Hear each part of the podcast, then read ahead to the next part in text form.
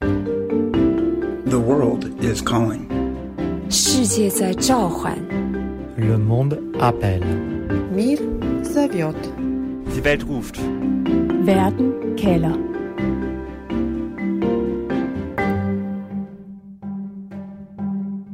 Tyskerne skal snart til valg for at finde en afløser til kanslerposten efter Angela Merkel. Epocha Angela Merkel подходит к концу. Germans are electing a chancellor, and for the first time in 16 years, it won't be Angela Merkel. I morgen går vores store nabo mod syd til valg. Og selvom vi ikke kender resultatet af det tyske valg endnu, så ved vi allerede én ting med sikkerhed – Tyskerne skal finde en afløser til, kansler, til kansler Angela Merkel, den kvinde, der har ledet Tyskland i 16 år og nu takker af. Og Tyskland har flere gange under Angela Merkel blevet udråbt som ja, den egentlige leder af den vestlige verden, som en garant for vestlige normer, værdier og institu- institutioner. Sådan en klippe, som vi andre har kunne læne os op af, når andre verdensledere måske blev en kende uterrenlige. Og med Angela Merkels afdæmpede stil, uden de store visioner, uden de store armbevægelser, jamen så har Kina og Rusland og USA også vidst, hvad de kunne vente sig af Tyskland. Og derfor så holder verdens stormagter rigtig godt øje med, hvem der kommer til at lede Tyskland fremover. Og derfor så forsøger jeg her i Radio 4's udlandsprogram Verden kalder at få svar på et spørgsmål i dag. Hvem hæpper Kina, Rusland og USA på i det tyske valg? De næste 55 minutter, der kan du altså være med til at kigge på det tyske valg med kinesiske, russiske og amerikanske øjne. Jeg hedder Stine Krohmann Dragsted, og jeg er vært på Verden kalder. Velkommen til.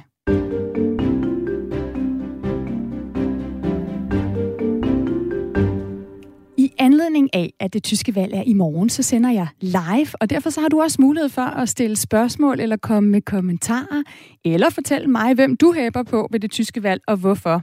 Og det gør du ved at skrive en sms. Du starter som altid din besked med R4, og så sender du din sms til 1424.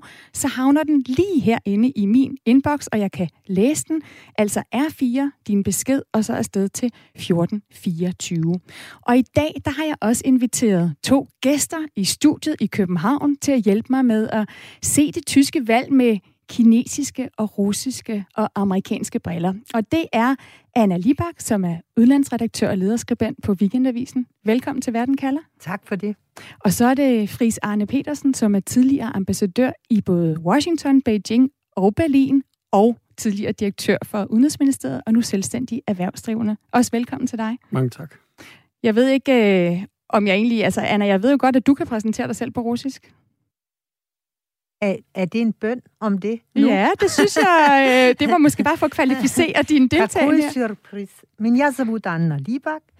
Э, Я могу э, представить себя. Я э, являюсь редактором э, вне- внешней политики датской газеты «Викендависен». Я уже много лет занимаюсь внеш- внешней политикой эм, для разных изданий датских. Например, я работала для Берлинской, для датского радио, даже для газеты «Информation» в молодости. Nu får jeg helt dit CV på russisk, Anna. Det gør du, ja. det er så fornemt. En, øh, og du kan jo sidde, simpelthen sidde og sige en masse, som jeg ikke helt ved, hvad jeg er, fordi jeg kan ikke russisk. Du men det bare kan du. vide. Du, ja, det er jo det. Du kan russisk, og, øhm, og, og, men udover det, jo, øh, som udlandsredaktør og med alt det, du ellers har lavet, følger godt med i også, hvad der sker i øh, USA og i Kina. Og øh, Fris Arne Petersen, jeg ved ikke, om du kan præsentere dig selv på mandarin. Er det for meget for langt? Ja, det ville jeg godt kunne, men jeg vil jo ikke gøre det, fordi jeg kan jo ikke tale kinesisk. Og der må man bare erkende, at Danmark er så lille med så lille en udenrigstjeneste, at vi har faktisk desværre, efter min opfattelse, ikke ret mange, der kan tale mandarin. Vi har måske en eller to. Til gengæld så nøjes vi så med at klare os med det, som jeg selv bruger, altså engelsk og tysk og fransk. Og det er det, vi må klare os med. Ved du hvad, vi holder os til dansk i den her udsendelse, og så synes jeg bare, at vi helt kort skal starte med at tage fat på dagens øh, spørgsmål. Fris Arne Petersen, hvem vil Kina helst have til at lede Tyskland blandt de muligheder, der er? Det, det morsomme med kineserne, det er, at de mere kigger på systemerne og de politikker, de fører, og det er de er bange for, for den vestlige verden i de her år, efter at have oplevet det amerikanske demokrati lave et spring i 2016 med den præsident, de valgte dengang. det er, at de gerne vil have kontinuitet. Og når de kigger på det tyske valg i dag, så får de i den grad det, fordi de tre store partier, der dominerer den tyske valgkamp, og ser ud til at vinde valget, det er lige præcis det, kineserne drømmer om, altså en fortsættelse af den, kines, af den tyske udenrigspolitik, og derfor også for kineserne en tro på, at de kan fortsætte deres meget tæt og gode samarbejde med Tyskland, som de har bygget op de sidste tre årtier. Anna Lieberg, hvis du også helt kort skal give det samme svar i forhold til Rusland, hvem sidder Putin og hæpper på over i Moskva? Nu er det jo ikke realistisk at foreslå, at det skulle være de linke eller AFD, der skulle have øh, kanslerposten overhovedet. Men ellers vil han da helst have dem, for det er jo partier, der er putin versterer som det hedder på tysk. De holder med øh, Putin. Men blandt de realistiske muligheder, der tror jeg da helst, han vil have Olaf øh, Scholz, og nu ser det jo ud til, at Tyskland for første gang får en regering øh, bestående af tre partier, så SPD, De Linke og De Grønne vil passe ham fint, tror jeg. Og så skal vi lige også have USA med, øh, Anna Libak Biden. Hvad sidder han og holder øje med? Jamen, øh, jeg er sikker på, at Biden han, øh, han håber på CDU, fordi CDU, hvis man ser de forskellige partiers valgmanifester, er de eneste, der klart og utvetydigt siger, at vi skal, have de, vi skal bruge 2% af vores BNP på forsvaret. Vi skal have bevæbnede droner. Det er de også... Øh, nej, måske også FDP er positiv over for det. Men ellers de andre langt mere øh, forbeholdte. Så øh, CDU tror jeg, han kunne tænke sig alternativt FDP, de får jo ikke kanslerposten, men hvis CDU gik i regering med FDP og med de grønne, så tror jeg, det vil passe ham rigtig godt. Og se til de lyttere, der har tændt for verden kalder her nu, og tænker, øj, det var en masse CDU, FDP, øh, SPD, øh, jeg skal lige sådan, have den sidste opdatering på det tyske valg, inden det løber af staben i morgen så øh, tager vi simpelthen lige og opdaterer, hvem det er, som Kina Rusland og USA overhovedet kan hæppe på. Altså hvem der står til at kunne lede Tyskland, når Merkels æra slutter. Vi har tre tyske kanslerkandidater øh, fra tre forskellige partier. De er Armin Laschet fra partiet CDU. Det er det kristenkonservative parti, som altså har været ved magten i 16 år med Angela Merkel ved roret. Så har vi Olaf Scholz fra SPD. Det er de tyske socialdemokrater. Så er der Annelena Baerbock fra De Grønne. De Grønne kan vi oversætte dem til på dansk. Og så er det altså højst sandsynligt de tre kanslerkandidater, der vil overtage posten for Angela Merkel. Udover de tre kandidater, så skal vi, som Anna Libak også lige nævnte, holde øje med det liberale parti FDP. Det kan nemlig komme til at blive afgørende, når der skal dannes en regering. Det er et parti, som har haft lidt den samme rolle som de radikale i dansk politik. De kan gå både til højre og venstre, når de går i regering. Altså både gå i regering med Socialdemokraterne, SPD eh, eller med de konservative CDU. Så altså tre mulige kanslerkandidater. En konservativ, en socialdemokrat og en grøn, plus et liberalt parti, som kan lægge stemmer til et flertal. Og så ledes klædt på til at øh, finde svar på det øh, spørgsmål, i hvert fald få flere nuancer sat på.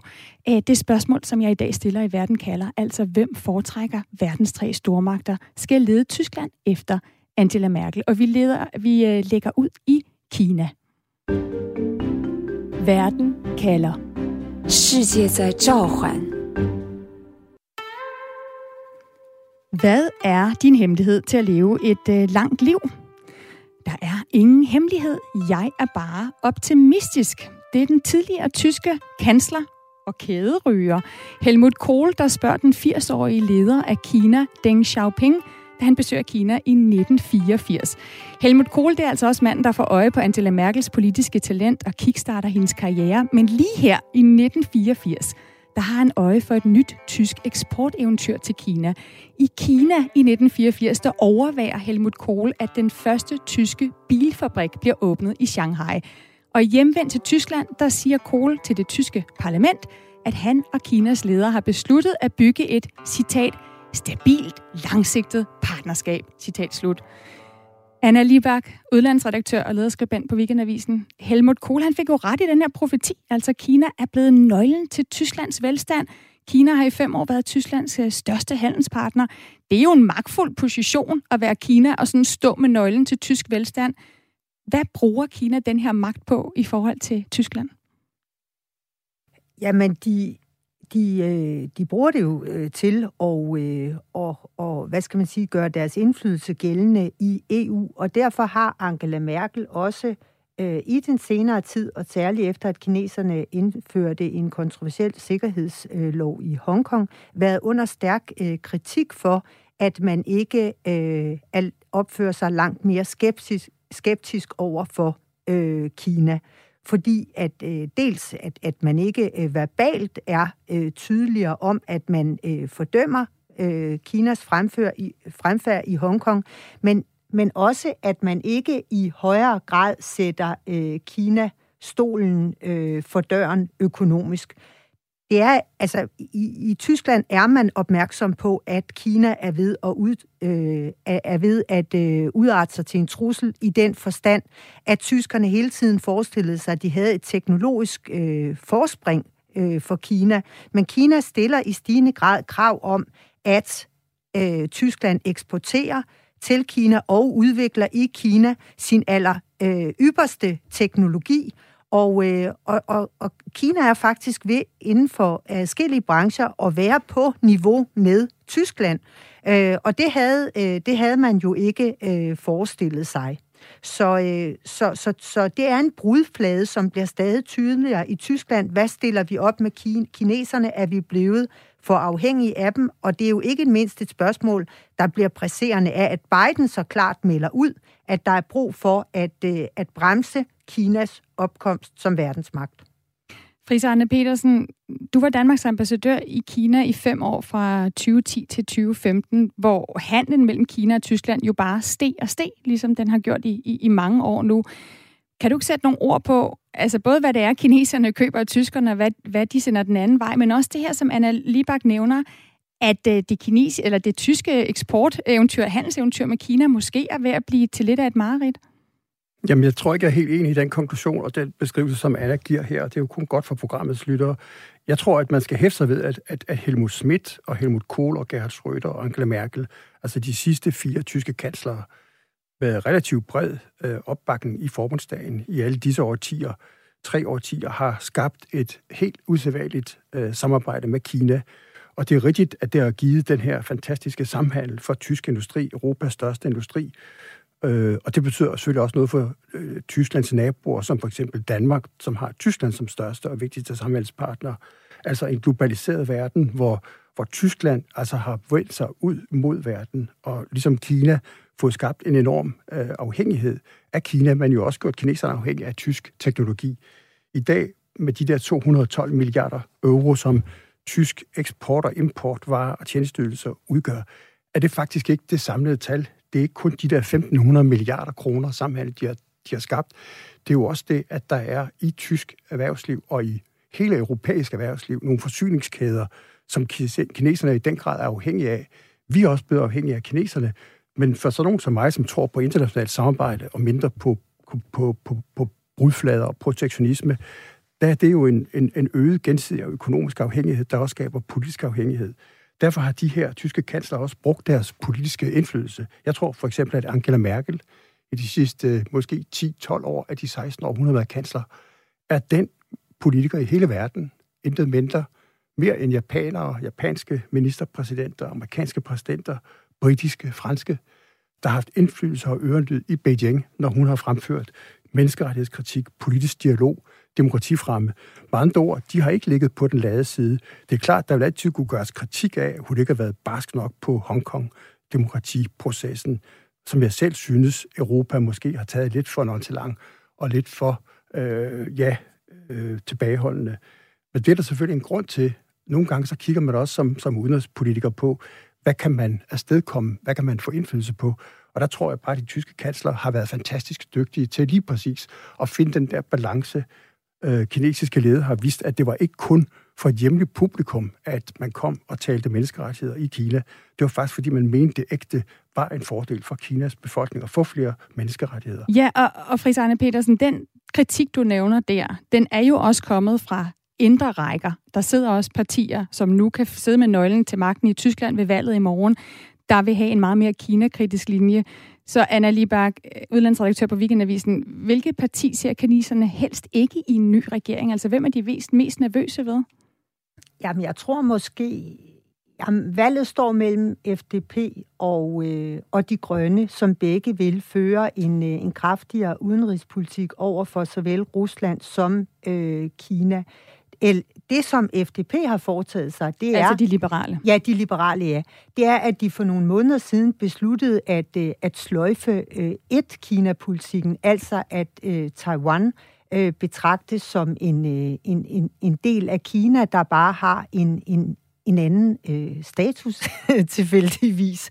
Øhm, og til forveksling ligner et selvstændigt land, men det er det ikke. Et Kina-politikken, som vi i øvrigt også øh, i Danmark fra officielt hold øh, støtter, den ville de liberale ikke længere skrive under på. Øh, de slog fast, at taiwaneserne selv skulle afgøre deres egen øh, fremtid. Og det er øh, det betragter Kina som en virkelig øh, stor provokation.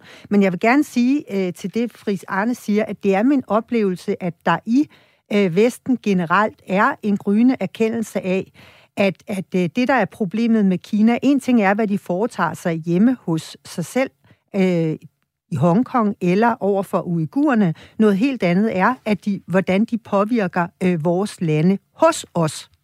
Øh, og der ved vi jo fra Danmark, at der er øh, talrige øh, forsøg på at få indflydelse på, jamen hvem må besøge Kina? Må vi have besøg af Dalai Lama? Hvilke film skal der vises på filmfestivaler? Hvilke øh, stykker skal der spilles på det kongelige øh, teatre?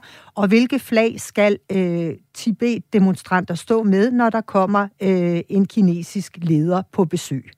Øhm, med hensyn til Tyskland, så et af de giftige spørgsmål, der er, det er jo, at, øh, at selskabet øh, Huawei øh, gerne vil levere 5G-teknologi til øh, Kina, og øh, i modsætning til øh, snart sagt de fleste... Øh, til Tyskland. Ja, undskyld, til Tyskland.